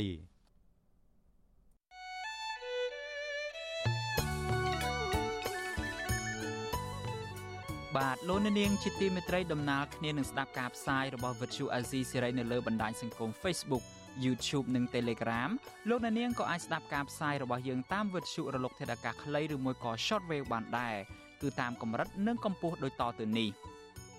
ពេលព្រឹកចាប់ពីម៉ោង5កន្លះដល់ម៉ោង6កន្លះតាមរយៈប៉ុស SW 93.90 MHz ស្មើនឹងកម្ពស់ 32m និងប៉ុស SW 11.85 MHz ស្មើនឹងកម្ពស់ 25m ពេលយប់ចាប់ពីម៉ោង7កន្លះដល់ម៉ោង8កន្លះតាមរយៈប៉ុស SW 93.30 MHz ស្មើនឹងកម្ពស់ 32m ប៉ុស SW 11.88 MHz ស្មើនឹងកម្ពស់ 25m និងប៉ុស SW 15.15 MHz ស្មើនឹងកម្ពស់ 20m បាទលោកអ្នកនាងជាទីមេត្រីឆ្លៀតនៅក្នុងឱកាសនេះដែរខ្ញុំបាទសូមជម្រាបជូនលោកអ្នកនាងថាការផ្សាយរបស់ Vuthu Azizi សេរីយើងនៅមួយរយៈពេលចុងក្រោយនេះកំពុងទទួលរងនឹងការយាយីរំខានតាមគ្រប់រូបភាពមានដូចជាការផ្សាយរបស់យើងតាមវិទ្យុរលកថេដាកាខ្លីត្រូវបានរដ្ឋាភិបាលវៀតណាមប្រើប្រាស់បច្ចេកវិទ្យាទំនើបបញ្ជាមិនឲ្យអ្នកស្ដាប់នៅកម្ពុជាអាចបើកស្ដាប់បានចំណែកឯការផ្សាយរបស់យើងតាមបណ្ដាញសង្គមវិញ ក៏រងការវាយលុកយ៉ាងសន្ធាប់ពីបណ្ដាញអ្នកអុកឡុកនៅលើបណ្ដាញសង្គមឬមួយក៏ដែលយើងហៅថា MMO នោះដែរពួកគេហាក់ដូចជាមានការរៀបចំចាត់បញ្ជូនមក ដើម្បីគ្រាន់តែជេរប្រមាថនៅក្នុងគោលបំណងរំខានការផ្សាយរបស់យើងបាទប្រសិនបើយើងរារាំងមិនឲ្យមានការបង្ហោះសារឆ្លើយឆ្លងនៅក្នុងការផ្សាយផ្ទាល់របស់យើង វាក៏អាចប៉ះពាល់ដល់សិទ្ធិសេរីភាពបញ្ចេញមតិយោបល់ពិតប្រាកដរបស់លោកអ្នកនាងកញ្ញាដែរ បាទដូច្នេះដើម្បីទប់ស្កាត់កុំឲ្យក្រុមនេះរំខានការផ្សាយនិងរំខានដល់លោកអ្នកនាងសូមលោកអ្នកនាងបន្តបញ្ចេញមតិយោបល់ពិតប្រាកដរបស់លោកអ្នកនាងហើយកុំរវីរមូលកុំចាប់អារម្មណ៍ឬមួយក៏កុំឆ្លើយកុំឆ្លងជាមួយទៅនឹងការបង្ហោះសារជេរប្រមាថរបស់ក្រុមអុកឡុកលើបណ្ដាញសង្គមនេះឲ្យសោះបាទសូមអរគុណ បាទលោកនាងជាទីមេត្រីតកតងទៅនឹងព័ត៌មានមួយដែលខ្ញុំបាទបានជម្រាបជូនលោកនាងពីខាងដើមនោះគឺថាមន្ត្រីគណៈបកប្រឆាំងនិងមន្ត្រីអង្គការសង្គមស៊ីវិលព្រួយបារម្ភថាការជួបគ្នារវាងលោកនាយរដ្ឋមន្ត្រីហ៊ុនម៉ាណែតនិងលោកនាយរដ្ឋមន្ត្រីថៃគឺលោកសេដ្ឋាថាវិសិននោះអាញាធរថៃនឹងបន្តធ្វើទុកបុកម្នេញទៅលើសកម្មជនឬមួយក៏ជនភៀសខ្លួននយោបាយខ្មែរនៅក្នុងប្រទេសថៃ បាទការលើកឡើងបែបនេះគឺក្រោយពីនាយករដ្ឋមន្ត្រីនៃប្រទេសទាំងពីរបានលើកឡើងនៅក្នុងសន្និសីទសារព័ត៌មានថាប្រទេសទាំងពីរនឹងមិនអោយបុគ្គលឬមួយក៏ក្រុមណាយកប្រទេសរបស់ខ្លួន គឺជាទីតាំងធ្វើការប្រឆាំងជាមួយនឹងប្រទេសមួយទៀតនោះឡើយបាទអ្នកស្រីម៉ៅសុធីនីរាយការណ៍ព័ត៌មាននេះប្រធានគណៈប្រតិបត្តិគណៈបកភ្លើងទៀនប្រចាំខេត្តបៃលិនលោកខឹមមនីកសលដែលកំពុងភៀសខ្លួននៅប្រទេសថៃប្រាប់បច្ចុប្បន្នទីស្រី នៅថ្ងៃទី8ខែកុម្ភៈ ថារដ្ឋាភិបាលដឹកនាំដោយលោកនាយករដ្ឋមន្ត្រីហ៊ុនម៉ាណែតប្រើកិច្ចប្រជុំជាមួយរដ្ឋាភិបាលថៃ ដើម្បីធ្វើទុកបុកម្នេញដល់សកម្មជន សង្គមនិងសកម្មជននយោបាយនៅប្រទេសថៃ លោកថាមកដល់ពេលនេះអាញាធរថៃស្លៀកពាក់ស៊ីវិលមួយចំនួន នៅតែបន្តតាមឃ្លាំមើលលោក លោកបន្ថែមថាការព្យាយាមបំបិតសម្លេង អ្នកដែលមាននានាការផ្ទុយពីរដ្ឋាភិបាលនេះ គឺជាការតាក់ទាញប្រទេសកម្ពុជាឲ្យធ្លាក់ក្នុងរបបដឹកនាំបែបកុម្មុយនីសផ្ដាច់ការ។ុម្មុយនីសគេមិនចូលចិត្តឲ្យមានការសម្ដែងមតិគេមិនចូលចិត្តឲ្យមានមតិជំទាស់ទេហើយពួកគេមិនគួរព្រួយបារម្ភទេពីពួកពួកយើងនៅប្រទេសថៃនៅអីនេះយើងគោរពច្បាប់ថៃបានខ្ជាប់ខ្ជួនណាយើងមិនមានពាក្យតាទៅតែយកទឹកដីប្រទេសមួយទៅធ្វើអីមួយតើយើងមានជាចលនាមានជារចនាសម្ព័ន្ធរបៀប ដាប់អាវុធហិង្សាអីអាហ្នឹងបានវាជាគ្រោះថ្នាក់អានេះវាគ្រាន់តែជាសិទ្ធិនយោបាយក្នុងការបញ្ចេញមតិរបស់ពលរដ្ឋយល់ឃើញអំពីការដឹកនាំវាមិនទទួលបាននៅការគោរពសិទ្ធិមនុស្សអីក្នុងដំណើរបំពេញទស្សនកិច្ចនៅទីក្រុងបាងកកប្រទេសថៃលោកនាយករដ្ឋមន្ត្រីហ៊ុនម៉ាណែត និងនាយករដ្ឋមន្ត្រីថៃលោកសេដ្ឋាថាវេសិនកាលពីថ្ងៃទី7ខែកុម្ភៈបានជជែកពិភាក្សាពីកិច្ចសហប្រតិបត្តិការទ្វេភាគី លើវិស័យនយោបាយទំនាក់ទំនងការទូតសេដ្ឋកិច្ចពាណិជ្ជកម្មនិងបញ្ហាព្រំដែនព្រមទាំងលើកឡើងពីការមិនផ្ដល់ទីតាំងឲ្យបុគ្គលឬក្រុមណាប្រើប្រាស់ទឹកដីប្រទេសខ្លួនដើម្បីប្រឆាំងនឹងប្រទេសមួយផ្សេងទៀតលើពីនេះលោកហ៊ុនម៉ាណែតក៏ថែមទាំងអគុណដល់រដ្ឋាភិបាលថៃ ដែលបានចាប់ខ្លួននិងរារាំងមិនឲ្យសកម្មជនបពប្រឆាំងប្រើប្រាស់ទឹកដីថៃដើម្បីប្រឆាំងនឹងរដ្ឋាភិបាលរបស់លោក មន្ត្រីគម្រោងនៃមជ្ឈមណ្ឌលសម្ព័ន្ធភាពការងារនិងសិទ្ធិមនុស្សនៃអង្គការសង្ត្រាលោកលឹងសុផុនមានប្រសាសន៍ថានៅរយៈពេលចុងក្រោយនេះ មានការធ្វើទុកបុកម្នេញលើសកម្មជនសង្គមនិងសកម្មជននយោបាយបពប្រឆាំងដែលកំពុងភៀសខ្លួននៅប្រទេសថៃ ដោយការគម្រាមកំហែងការប្រើអំពើហិង្សានិងការចាប់ខ្លួនជាដើម។ ព្រួយបារម្ភនឹងព្រួយបារម្ភក្នុងការធ្វើការដែលជាលក្ខណៈសង្គមស៊ីវិលដើម្បីឲ្យបងប្អូនប្រជាពលរដ្ឋខ្មែរនេះបានយល់ដឹងបន្ថែមនៅអ្វីដែលពួកគាត់មិនទាន់បានយល់ដឹងអញ្ចឹងណាបាទអញ្ចឹងក៏មានការព្រួយបារម្ភដែរពីសវត្ថិភាពខ្លាចដូចយើងធ្វើអីតិចក៏គេចាប់យើងធ្វើអីតិចក៏គេគម្រាមកំហែងកន្លងមកខ្ញុំឃើញគេគម្រាមកំហែងច្រើនបាទទាក់ទងទៅបងប្អូនខ្មែរយើងតែគាត់នៅថៃហើយគាត់បញ្ចេញមតិបញ្ចេញយោបល់តាម Facebook តាម page របស់ពួកគាត់នឹងលើកឡើងពីបញ្ហាស្ថានភាពនយោបាយនៅស្រុកខ្មែរអីចឹងក៏មានការគម្រាមកំហែងតាម Facebook អីចឹងណាបាទឃើញថាច្រើននៅមុននឹងអំឡុងពេលដែលលោកហ៊ុនម៉ាណែត បំពេញទស្សនកិច្ចនៅប្រទេសថៃ សមត្ថកិច្ចថៃ បានចាប់ខ្លួនជនភៀសខ្លួនខ្មែរនិងពលករខ្មែរ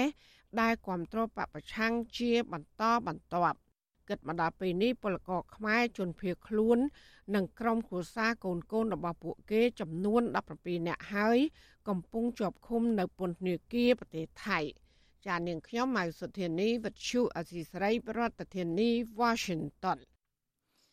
បាទលោកនាងជាទីមេត្រីតកតងទៅនឹងរឿងនេះដែរយើងបានភ្ជាប់ទៅតាមប្រព័ន្ធវីដេអូ Skype ទៅកាន់លោកបណ្ឌិតសេងសេរីដើម្បីឲ្យលោកផ្ដល់ការវិភាគបន្ថែមទៅលើទំនាក់ទំនងកម្ពុជានិងថៃក្រោយពេលដែលលោកហ៊ុនម៉ាណែតបានជួបជាមួយនឹងនាយករដ្ឋមន្ត្រីថៃនោះឥឡូវនេះយើងបានភ្ជាប់ទៅកាន់លោកបណ្ឌិតសេងសេរីហើយខ្ញុំបាទសូមជម្រាបសួរលោកបណ្ឌិតពីចម្ងាយផងបាទបាទសូមជម្រាបសួរបាទ បាទអរគុណលោកបណ្ឌិតច្រើនដែលឆ្លៀតពេលវេលាយប់ជ្រៅណាស់ទៅហើយនៅប្រទេសអូស្ត្រាលីនោះដើម្បីមកចូលរួមផ្ដល់ការវិភាគបន្ថែមទៅលើតំណែងតំណងកម្ពុជានិងថៃ ដូច្នេះសំណួរដំបូងរបស់ខ្ញុំទៅកាន់លោកបណ្ឌិតសេងសេរីនេះគឺខ្ញុំចង់ដឹងអំពីស្ថានភាពនៃជនភៀសខ្លួនខ្មែរផ្នែកនយោបាយនៅប្រទេសថៃវិញដោយលោកបណ្ឌិតសេងសេរីបានស្ដាប់សេចក្តីរាយការណ៍របស់អ្នកស្រីម៉ៅសុធានីអំបញ្ញមិញនេះហើយគឺថាភាគីទាំងពីរបានប្រកាសជាអោឡារឹកថាមិនអោយយកទឹកដីនៃប្រទេសណាមួយនឹងដើម្បីធ្វើសកម្មភាពប្រឆាំងទៅនឹងរដ្ឋាភិបាលនៃប្រទេសទាំងពីរនោះទេមានន័យថាភាគីថៃក៏មិនអោយខ្មែរយើងធ្វើសកម្មភាពនយោបាយណាដែលអាចប៉ះពាល់ដល់ រដ្ឋាភិបាលកម្ពុជាឯខាងភាគីកម្ពុជាឯនេះវិញក៏សន្យាបែបនេះដូចគ្នាថាតើនេះវាផ្ដល់ផលចំណេញអីសម្រាប់កម្ពុជាដល់កម្រិតណាដែរឬមួយក៏វាអាចជាក្តីបារម្ភសម្រាប់ជនភៀសខ្លួនខ្មែរទៅវិញបាទលោកបណ្ឌិតសេងសេរីបាទជាជាលទ្ធផលយើងឃើញហើយមុនដំណើរទស្សនកិច្ចរបស់លោកនាយករដ្ឋមន្ត្រីហ៊ុនម៉ាណែតហ្នឹងយើងឃើញអឺមនុស្ស3នាក់ដែលជាសកម្មជន ដែលជាឋានៈដឹកនាំឬក៏ជាយុវជន ដែលជាសកម្មជនរបស់គណៈបពប្រឆាំងត្រូវបានចាប់ខ្លួន ហើយក៏បន្តរចាប់ខ្លួន មនុស្សសំខាន់សំខាន់មួយចំនួនទៀតហើយក្នុងនោះជនភៀសខ្លួនដែលគាត់ផ្ដល់របាយការណ៍មកនោះថាអាញាធរថៃស្លៀកពាក់ស៊ីវិលនឹងតែងតែទៅអង្គុយនៅមុខគេហៅថាកន្លែងផ្ទះជួលគាត់នៅ ជាប្រចាំដើម្បីធ្វើម៉េចធានាថាពួកគាត់នឹងនឹងមិនអាចមានលទ្ធភាពនៅក្នុងការរៀបចំបាតកម្មដើម្បីប្រឆាំងជាមួយនឹងដំណើរទស្សនកិច្ចរបស់លោកនាយករដ្ឋមន្ត្រីហ៊ុនម៉ាណែតដែរសម្រាប់ខ្ញុំខ្ញុំមើលឃើញថាថៃក៏មានបច្ចេកទេសដើម្បីលួងចិត្តលោកនាយករដ្ឋមន្ត្រីហ៊ុនម៉ាណែតដែរទោះបីជាក្នុងស្ថានភាពបែបហ្នឹងក៏ដោយมันมัน ធ្វើការចាប់ខ្លួនត្រង់ទ្រាយធំទេក៏ប៉ុន្តែចាប់ខ្លួនគ្រាន់តែដើម្បីបំភ័យឲ្យមិនឲ្យជនភៀសខ្លួនហ្នឹងអាចរៀបចំកម្លាំងនៅក្នុងការធ្វើការបាតកម្មតែប៉ុណ្ណោះបាទបាទ លោកដិតសេងសេរីយើងបានដឹងទាំងអស់គ្នាហើយថាករណីដែលមានការប្រកាសថាមិនអោយប្រើប្រាស់ទឹកដីថៃជាកន្លែងមួយធ្វើសកម្មភាពប្រឆាំងនឹងរដ្ឋាភិបាលកម្ពុជានេះកន្លងមកប្រហែលឆ្នាំមុនក៏ធ្លាប់មានករណីចាប់ខ្លួនជនភៀសខ្លួននយោបាយខ្មែរដែរហើយអង្គការសហប្រជាជាតិទទួលបន្ទុកសិទ្ធិជនភៀសខ្លួននឹងក៏បានជួយជំនះឬមួយក៏រកប្រទេសទី3សម្រាប់ជនភៀសខ្លួនខ្មែរទាំងនេះដែរថាតើនៅក្នុងករណីនេះវិញលោកដិតសេងសេរីថាតើយើងគិតថាជនភៀសខ្លួនខ្មែរដែលកំពុងតែមានវត្តមានប្រហែលជាមួយដុំ100នាក់ឯនៅប្រទេសថៃហ្នឹងជោគវាសនារបស់ពួកគាត់អាចទៅជាយ៉ាងណាវិញលោកមនិតសេងសេរីបាទខ្ញុំខ្ញុំសង្កេតឃើញថារដ្ឋាភិបាលថៃធ្វើបែបនេះហ្នឹងគឺតាមពិតទៅគឺរដ្ឋាភិបាលថៃចេះគេហៅថាចេះលេងអឺលេងនយោបាយជាមួយនឹងរដ្ឋាភិបាលខ្មែរហើយនឹងជាមួយនឹងអង្គការសហប្រជាជាតិទទួលបន្ទុកជនភៀសខ្លួនព្រោះ នៅក្នុងតំបន់អាស៊ីអាគ្នេយ៍គឺនៅថៃមានអង្គការ UNHCR អង្គការសហប្រជាជាតិទទួលបន្ទុកជនភៀសខ្លួនអញ្ចឹងហើយថៃក៏ត្រូវថ្លឹងថ្លែងដែរថាធ្វើម៉េចឲ្យធ្វើឲ្យរដ្ឋាភិបាលលោកហ៊ុនម៉ាណែតដែលជាដំណើរដំណើរទស្សនកិច្ចហ្នឹងសบายចិត្តផងហើយក៏មិនចង់ប្រឈមជាមួយនឹងអង្គការសហជីវជាតិផងដែរព្រោះអឺរដ្ឋាភិបាលត្រៃត្រូវទទួលខុសត្រូវចំពោះអឺ បច្ចុប្បន្នឬក៏អនុសញ្ញាដែលតាក់ទងទៅនឹងរឿងជនភៀសខ្លួននោះក៏ប៉ុន្តែទោះបីយ៉ាងណាក៏ដោយទោះបីជាមិនមានការគម្រាមកំហែងផ្នែកខាងនយោបាយឬក៏ការចាប់ខ្លួនក៏ដោយបើយើងពិនិត្យមើលស្ថានភាពរបស់ជនភៀសខ្លួននៅប្រទេសថៃហ្នឹងគឺគាត់ប្រឈមទៅនឹងការលំបាកច្រើនហើយបើយើងនិយាយអំពីការស្នាក់នៅហ្នឹងពួកគាត់ស្នាក់នៅបន្ទប់ចង្អៀតណា គាត់នៅជាមួយគ្នា3 4 5នាក់អញ្ចឹងទៅដើម្បីក្នុងហេតុផលសន្សំចំចាយថ្លៃបន្ទប់ហើយជនភៀសខ្លួនមួយចំនួនធំហ្នឹងគឺរស់ដោយបាយវត្តមានន័យថាពលឹមឡើងទៅក៏ទៅបិណ្ឌបាតជាធ្វើជាកូនសិស្សលោកបិណ្ឌបាតជាមួយនឹងព្រះសង្ឃខ្មែរដែលបួសរៀននៅប្រទេសថៃហ្នឹងដើម្បីបានចំណីអាហារមកចិញ្ចឹមខ្លួនផងហើយនឹងអ្នកខ្លះហ្នឹងក៏មានកូនតូចហើយនឹងគ្រួសារផងហើយអ្វីដែល អ្វីដែលជារឿងមួយដែលយើងបារម្ភខ្លាំងហ្នឹងគឺអឺកូនកូនដែលរត់ភៀសខ្លួនទៅជាមួយឪពុកម្ដាយហ្នឹងប្រឈមនឹងមិនមានសាលារៀនហើយដែលពួកគាត់មិនបានចូលសាលារៀននោះបាទយើងឃើញថាចំណុចទាំងអស់នេះហើយដែលជាកត្តាបង្ហាញថាស្ថានភាពជនភៀសខ្លួនខ្មែរនៅក្នុងប្រទេសថៃហ្នឹងគឺស្ថិតនៅក្នុងស្ថានភាពដែលមានហានិភ័យខ្ពស់ណាស់ទាំងការរស់នៅប្រឈមនឹងការភ័យខ្លាចសេរីភាពនៅក្នុងការដើរហើរ ក៏មិនសូវបានទៅណាឆ្ងាយដែរដោយសារតែពួកគាត់រស់នៅខុសច្បាប់ទោះបីជាពួកគាត់មានកាតជាជនភៀសខ្លួនក៏ដោយក៏ប៉ុន្តែពួកគាត់មិនអាចដើរហើរដោយសេរីដោយអ្នកដែលទៅទេសចរឬក៏អ្នកនៅរស់នៅស្របច្បាប់នៅក្នុងប្រទេសថៃទេបាទបាទ អរគុណលោកបណ្ឌិតសេងសេរីឥឡូវនេះយើងងាកមកចាប់អារម្មណ៍តាក់ទងទៅនឹងរឿងមួយទៀតគឺទំនាក់ទំនងរវាងកម្ពុជានិងថៃនៅក្នុងកម្រិតនៃរដ្ឋាភិបាលឯនេះវិញអឺលោកនាយរដ្ឋមន្ត្រីហ៊ុនម៉ាណែតក្រោយពីបានជួបជាមួយនឹងលោកសេដ្ឋាថាវិសិនហើយក៏មានការធ្វើសន្និសីទសារព័ត៌មានដែរពីម្សិលមិញនេះហើយនៅថ្ងៃនេះនៅមុនការផ្សាយរបស់យើងនេះបន្តិចគឺនៅក្នុងពិធីបិទសន្និបាតបុកសរុបលទ្ធផលការងាររបស់ក្រសួងការងារហ្នឹង លោកហ៊ុនម៉ាណែតបាន លើកឡើងថាទស្សនកិច្ចរបស់លោកជាលើកដំបូងទៅកាន់ប្រទេសថៃនេះសម្រាប់បាននៅសមិទ្ធផល3ជាសំខាន់ទី1គឺតកតងទៅនឹងនយោបាយការទូតនិងសន្តិសុខនយោបាយការទូតនិងសន្តិសុខនេះលោកហ៊ុនម៉ាណែតអះអាងថាកម្ពុជាបានដំឡើងនៃកម្រិតទំនាក់ទំនងទ្វេភាគីរវាងកម្ពុជានិងថៃនឹងពីកម្រិតនៃភាពជាដៃគូរឹងមាំដើម្បីសន្តិភាពវិបុលភាពនៅឆ្នាំ2017នឹងទៅជាភាពជាដៃគូយុទ្ធសាស្ត្រដែលជាចំណុចខ្ពស់បំផុតនៃទំនាក់ទំនងរវាងប្រទេសទាំងពីរចំណុចសំខាន់ទី2គឺតកតងទៅនឹងរឿងការងារពលករលោកហ៊ុនម៉ាណែតបានលើកឡើងថាលោកបានស្នើទៅភាគីថៃឲ្យជួយសម្រួលនីតិវិធីមួយចំនួនសម្រាប់ពលករខ្មែរដើម្បីឲ្យគាត់ទទួលបានអត្ថប្រយោជន៍ផ្សេងផ្សេងហើយក៏មានការបើកស្ថានកុងស៊ុលមួយនៅក្នុងខេត្តសង្ខឡាភាគត្បូងប្រទេសថៃដែរ ហើយចំណុចសំខាន់ជាងគេគឺតកតងទៅនឹងរឿងសេដ្ឋកិច្ចលោកហ៊ុនម៉ាណែតអះអាងថាសមិទ្ធផលរបស់លោកបានតេទៀងអ្នកវិនិយោគិនថៃនឹងដើម្បីឲ្យមករកស៊ីនៅកម្ពុជាក៏ប៉ុន្តែចំណុចដែលគេចាប់អារម្មណ៍គ្រប់គ្នានោះគឺតកតងទៅនឹងបញ្ហានៃការទាញយកផលពីតំបន់ត្រួតស៊ីគ្នាដែលជាកន្លងមកមានប្រវត្តិនៃការឆ្លោះទាស់តែងគ្នារវាងកម្ពុជានិងថៃនឹងគឺតកតងទៅនឹងការទាញយកប្រេង ថាតើលោកមរិតសេងសេរីមានការចាប់អារម្មណ៍យ៉ាងណាទៅនឹងចំណុចចុងក្រោយនេះគឺតកតងទៅនឹងការព័ត៌មាននៃការទាញយកប្រេងពីតំបន់ត្រួតស៊ីគ្នានេះវិញហ្នឹងបាទខ្ញុំឃើញមានការចាប់អារម្មណ៍ច្រើនហើយតាមពិតទៅខ្ញុំមិនមានចំណេះដឹងបច្ចេកទេសថាតើយើងនឹងទទួលបានផលប្រយោជន៍ឬក៏មានភាពចំណេញប៉ុណ្ណាទេក៏ប៉ុន្តែបើយោងទៅតាមអ្នកជំនាញឬក៏មហាជនដែលលើកឡើងហ្នឹងគឺយើងឃើញថា បើសិនជាក្នុងករណីរដ្ឋាភិបាលលោកហ៊ុនម៉ាណែតមិនបានត្រួតពិនិត្យឲ្យបានច្បាស់ទេកិច្ចព្រមព្រៀងនៅក្នុងការយកប្រេងនៅលើតំបន់ត្រួតស៊ីគ្នានេះវាស្មើនឹងការទទួលយកការចែកពុះផែនទីឬក៏ចែកពុះផ្ទៃសមុទ្រដែលនៅលើត្រួតស៊ីគ្នានេះជាពីរមានន័យថាបើយើងព្រមយល់ព្រមវិនិយោគទៅលើតំបន់ត្រួតស៊ីគ្នានេះមានន័យថាយើងទទួលស្គាល់ថាតំបន់ត្រួតស៊ីគ្នានេះគឺមានចំណាយថៃ50%ហើយ ហើយក៏យើងសម្រាប់ខ្ញុំខ្ញុំដូចខ្ញុំបានលើកឡើងអញ្ចឹងថាយើងមិនដឹងថាតំបន់ត្រួតស៊ីគ្នានេះទំហំសមុទ្ររបស់កម្ពុជានឹងមានទំហំប៉ុណ្ណាឬក៏តំបន់ត្រួតស៊ីគ្នានេះជាទំហំសមុទ្ររបស់កម្ពុជាទាំងស្រុងឬក៏របស់ថៃប្រមាណ200នៅឡើយទេក៏ប៉ុន្តែទោះបីយ៉ាងណាក៏ដោយអឺអានេះគឺជាការទទួលខុសត្រូវចំពោះប្រវត្តិសាស្ត្ររបស់រដ្ឋាភិបាលលោកហ៊ុនម៉ាណែតបើសិនជាក្នុងករណីការសម្រេចចិត្ត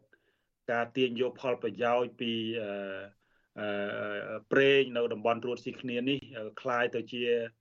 ការសម្រេចចិត្តធ្វើឲ្យបាត់បង់ផ្ទៃសមុទ្រកម្ពុជានេះអានេះគឺរដ្ឋាភិបាលលោកហ៊ុនម៉ាណែតខ្លួនឯងទេជាអ្នកទទួលខុសត្រូវចំពោះប្រវត្តិសាស្ត្រនោះបាទ បាទអរគុណលោកបណ្ឌិតសេងសេរីតកតងទៅនឹងរឿងនេះដែរយើងឃើញថាមានការរិះគន់ច្រើនពីមន្ត្រីគណៈបពប្រឆាំងពីប្រជាពលរដ្ឋមួយចំនួនតកតងទៅនឹង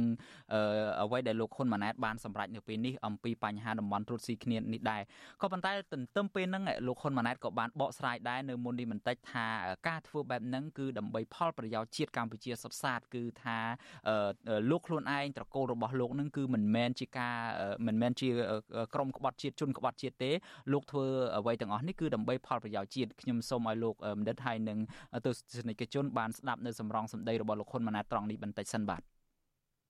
វិញនិយាយសម្ាញ់តកូលហ៊ុនមិនមាន បំណងណាមួយចង់ទៅជាជនក្បត់ជាតិទេ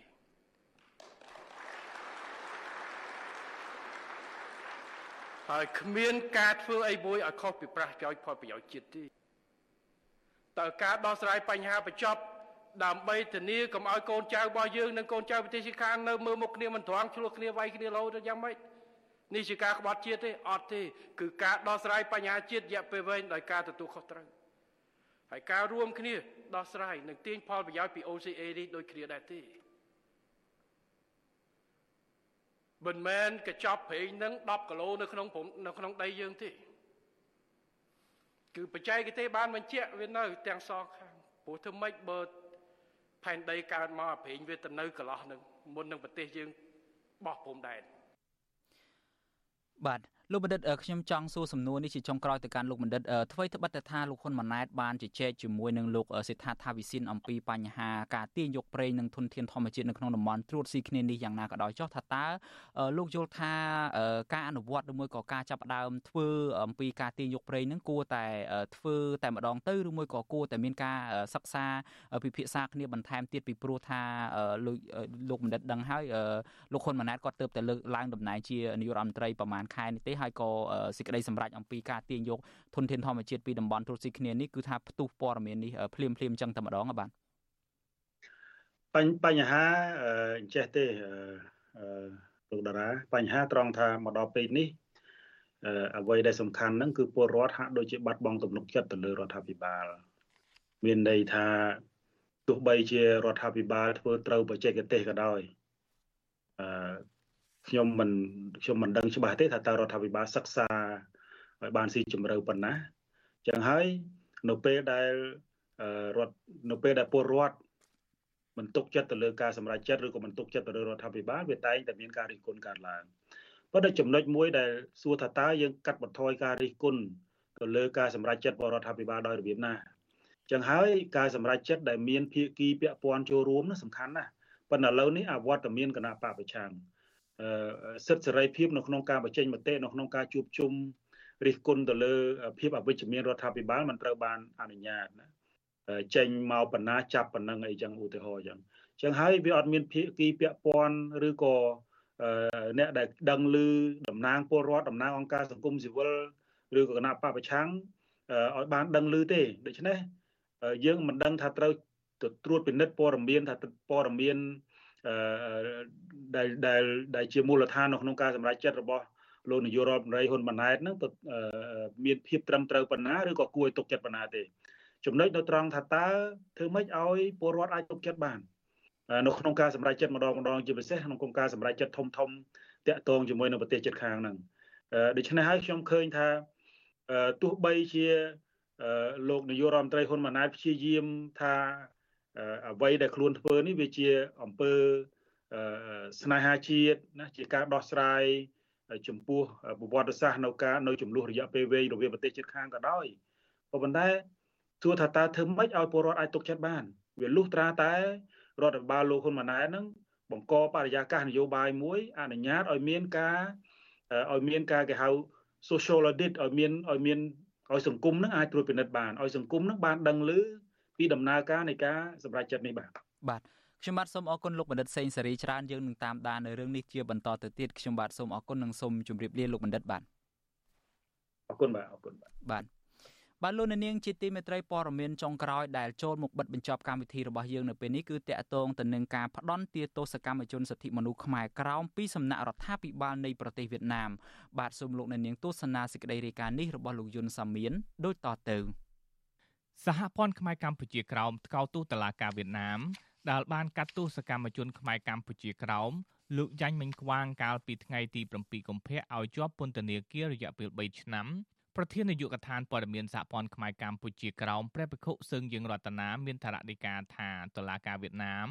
មិនបានអនុញ្ញាតឲ្យលោកយ៉ាញ់មិញខ្វាងមានមេធាវីការពីក្តីនិងកាត់ក្តីតាមតែអំពើចិត្ត សហព័ន្ធខ្មែរកម្ពុជាក្រមសូមអំពាវនាវដល់អាជ្ញាធរវៀតណាមត្រូវតែដោះលែងសកម្មជនសិទ្ធិមនុស្សខ្មែរក្រមយ៉ាន់មីងវាងជាបន្ទាន់ព្រោះថាយុវជនយ៉ាន់មីនវាងអត់មានទោសកំហុសអ្វីទេព្រោះការផ្សព្វផ្សាយនៅប្រវត្តិសាស្ត្រភូមិសាស្ត្រនៃទឹកដីកម្ពុជាក្រមក៏ដូចជាការបញ្ចេញមតិនៅតាមបណ្ដាញសង្គម Facebook គឺគ្មានទោសកំហុសអ្វីទេព្រោះប្រថាសេរីភាពនៅក្នុងការបញ្ចេញមតិក្នុងនាមខ្មែរក្រមជាជនជាតិដើមព វៀតណាមចោទប្រកាន់លោកយ៉ាញ់មិញខ្វាងពីបទកេងចំណេញលើសិទ្ធិសេរីភាពលទ្ធិប្រជាធិបតេយ្យនិងបំពានលើផលប្រយោជន៍របស់រដ្ឋនិងបទល្មើសផ្សេងផ្សេងទៀតមុនពេលចាប់ខ្លួនកាលពីចុងឆ្នាំ2023លោកយ៉ាញ់មិញខ្វាងបានប្រើប្រាស់បណ្ដាញសង្គម Facebook ផ្សព្វផ្សាយព័ត៌មានពីការរំលោភសិទ្ធិមនុស្សជនជាតិដើមខ្មែរក្រោមពីសំណាក់អាជ្ញាធរវៀតណាមនិងផ្សាយពីប្រវត្តិសាស្ត្រខ្មែរ សហព័ន្ធខ្មែរកម្ពុជាក្រោមបានបដិសេធការចោទប្រកាន់របស់តុលាការវៀតណាមសហព័ន្ធខ្មែរកម្ពុជាក្រោមអះអាងថាការចាប់ខ្លួនសកម្មជនខ្មែរក្រោមដោយសារតែអាជ្ញាធរវៀតណាមមិនពេញចិត្តនឹងសកម្មភាពផ្សព្វផ្សាយសិភៅប្រវត្តិសាស្ត្រខ្មែរក្រោមសិភៅស្ដីពីសិទ្ធិជនជាតិដើមនិងការបោះពុម្ពអាវយឺតដែលមានរូបទង់ជាតិខ្មែរក្រោមចែកចាយទៅឲ្យពលរដ្ឋខ្មែរក្រោមជាដើម កាលពីសប្តាហ៍មុនតឡាការវៀតណាមនៅខេត្តឃ្លៀងក៏បានកាត់ទោសលោកស្រីដេញធីវិនអាយុ44ឆ្នាំរស់នៅស្រុកបៃឆៅដាក់ពន្ធនាគារ2ឆ្នាំ ពីបទមិនអនុវត្តសាលក្រមករណីអាញាធិវៀតណាមរឹបអូសយកដីរបស់គាត់តាំងពីខែសីហាឆ្នាំ2016លោកស្រីត្រូវអាជ្ញាធរវៀតណាមចាប់យកទៅឃុំកាលពីខែសីហាឆ្នាំ2023ប៉ុន្តែទើបកាត់ទោសកាលពីថ្ងៃទី2ខែកុម្ភៈ ប្រធានប្រតិបត្តិសហព័ន្ធខ្មែរកម្ពុជាក្រោមលោកប្រាក់សេរីវុឌ្ឍមានប្រសាសន៍ថាតុលាការវៀតណាមយកលេសរឿងដីធ្លីដើម្បីចាប់ខ្លួនលោកស្រីដេញធីវិនដោយសារតែលោកស្រីបានចូលរួមចលនាទាមទារសិទ្ធិជនជាតិដើម និងសិទ្ធិដីធ្លី សហព័ន្ធខ្មែរកម្ពុជាក្រោមគ្រងនឹងដឹកនាំបដកម្មអហិង្សានៅទូទាំងពិភពលោកនៅមុខស្ថានទូតវៀតណាមដើម្បីទាមទារឲ្យរដ្ឋាភិបាលកុម្មុយនីវៀតណាមដោះលែងសកម្មជនខ្មែរកម្ពុជាក្រោមសរុប4នាក់ដែលកំពុងជាប់ឃុំដោយសារតែការទាមទារសិទ្ធិជនជាតិដើមបច្ចុប្បន្នមានសកម្មជនខ្មែរក្រោម2នាក់ក្នុងចំណោម4នាក់រួមមានលោកតៅហ្វាងជើង លោកថៃកើងនៅមិនទាន់ត្រូវបានតុលាការវៀតណាមកំណត់ថ្ងៃបើកសវនាការនៅឡើយទេ អាញាធរវៀតណាមចាប់ខ្លួនពួកគេស្របពេលនឹងពេលចាប់ខ្លួន លោកស្រីដេញធីវិន និងលោកចាញ់មិញខ្វាងដែរសកម្មជនតោហ្វាងជើង និងលោកថៃកើងជាមនុស្សសកម្មផ្សព្វផ្សាយអំពីសិទ្ធិជនជាតិដើម និងប្រវត្តិសាស្ត្រខ្មែរកម្ពុជាក្រោមខ្ញុំយុនសាមៀនវិទ្យុអាស៊ីសេរីប្រធានាធិបតី Washington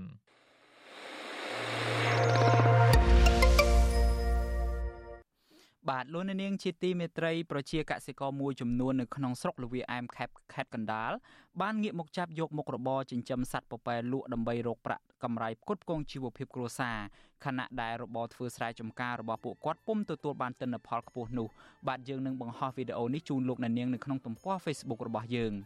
បាទលោកអ្នកនាងជាទីមេត្រីការផ្សាយរយៈពេល1ម៉ោងរបស់វិទ្យុអាស៊ីសេរីនៅយប់នេះក៏ឈានចូលមកដល់ទីបញ្ចប់ត្រឹមតែប៉ុណ្ណេះ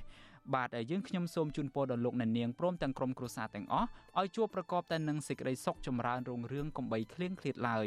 បាទខ្ញុំបាទយ៉ងច័ន្ទដារាព្រមទាំងក្រុមការងារទាំងអស់នៃវិទ្យុអាស៊ីសេរីសូមអរគុណនិងសូមជម្រាបលារាត្រីសុស្ដី